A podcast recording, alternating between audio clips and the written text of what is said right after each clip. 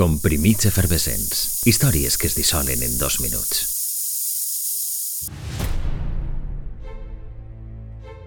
En el pòquer, que un dels jugadors cometa una errada lleu per a confiar els rivals és fins a cert punt habitual.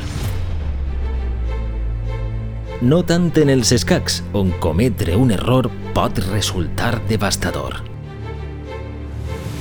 Però confiar-se és pitjor encara, es jugue al joc es jugue. Un 11 de maig el campió del món d'escacs, Garry Kasparov, perdia per primera volta contra un ordinador. Deep Blue. Una màquina dissenyada per ser infal·lible, no per a jugar emocionalment amb el rival. Però el cas és que quan corria la jugada 44 de la primera partida parcial, Deep Blue va quedar-se bloquejada. Per a no perdre més temps, la computadora decidí moure una torre de forma absurda. Aquell gest li costaria la derrota a la màquina en el primer parcial. Però Kasparov degué quedar-se amb la idea de que Deep Blue encara no era superior i que les següents partides serien un passeig en barca.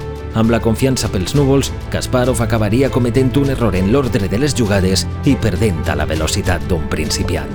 L'ésser humà sucumbia a la màquina.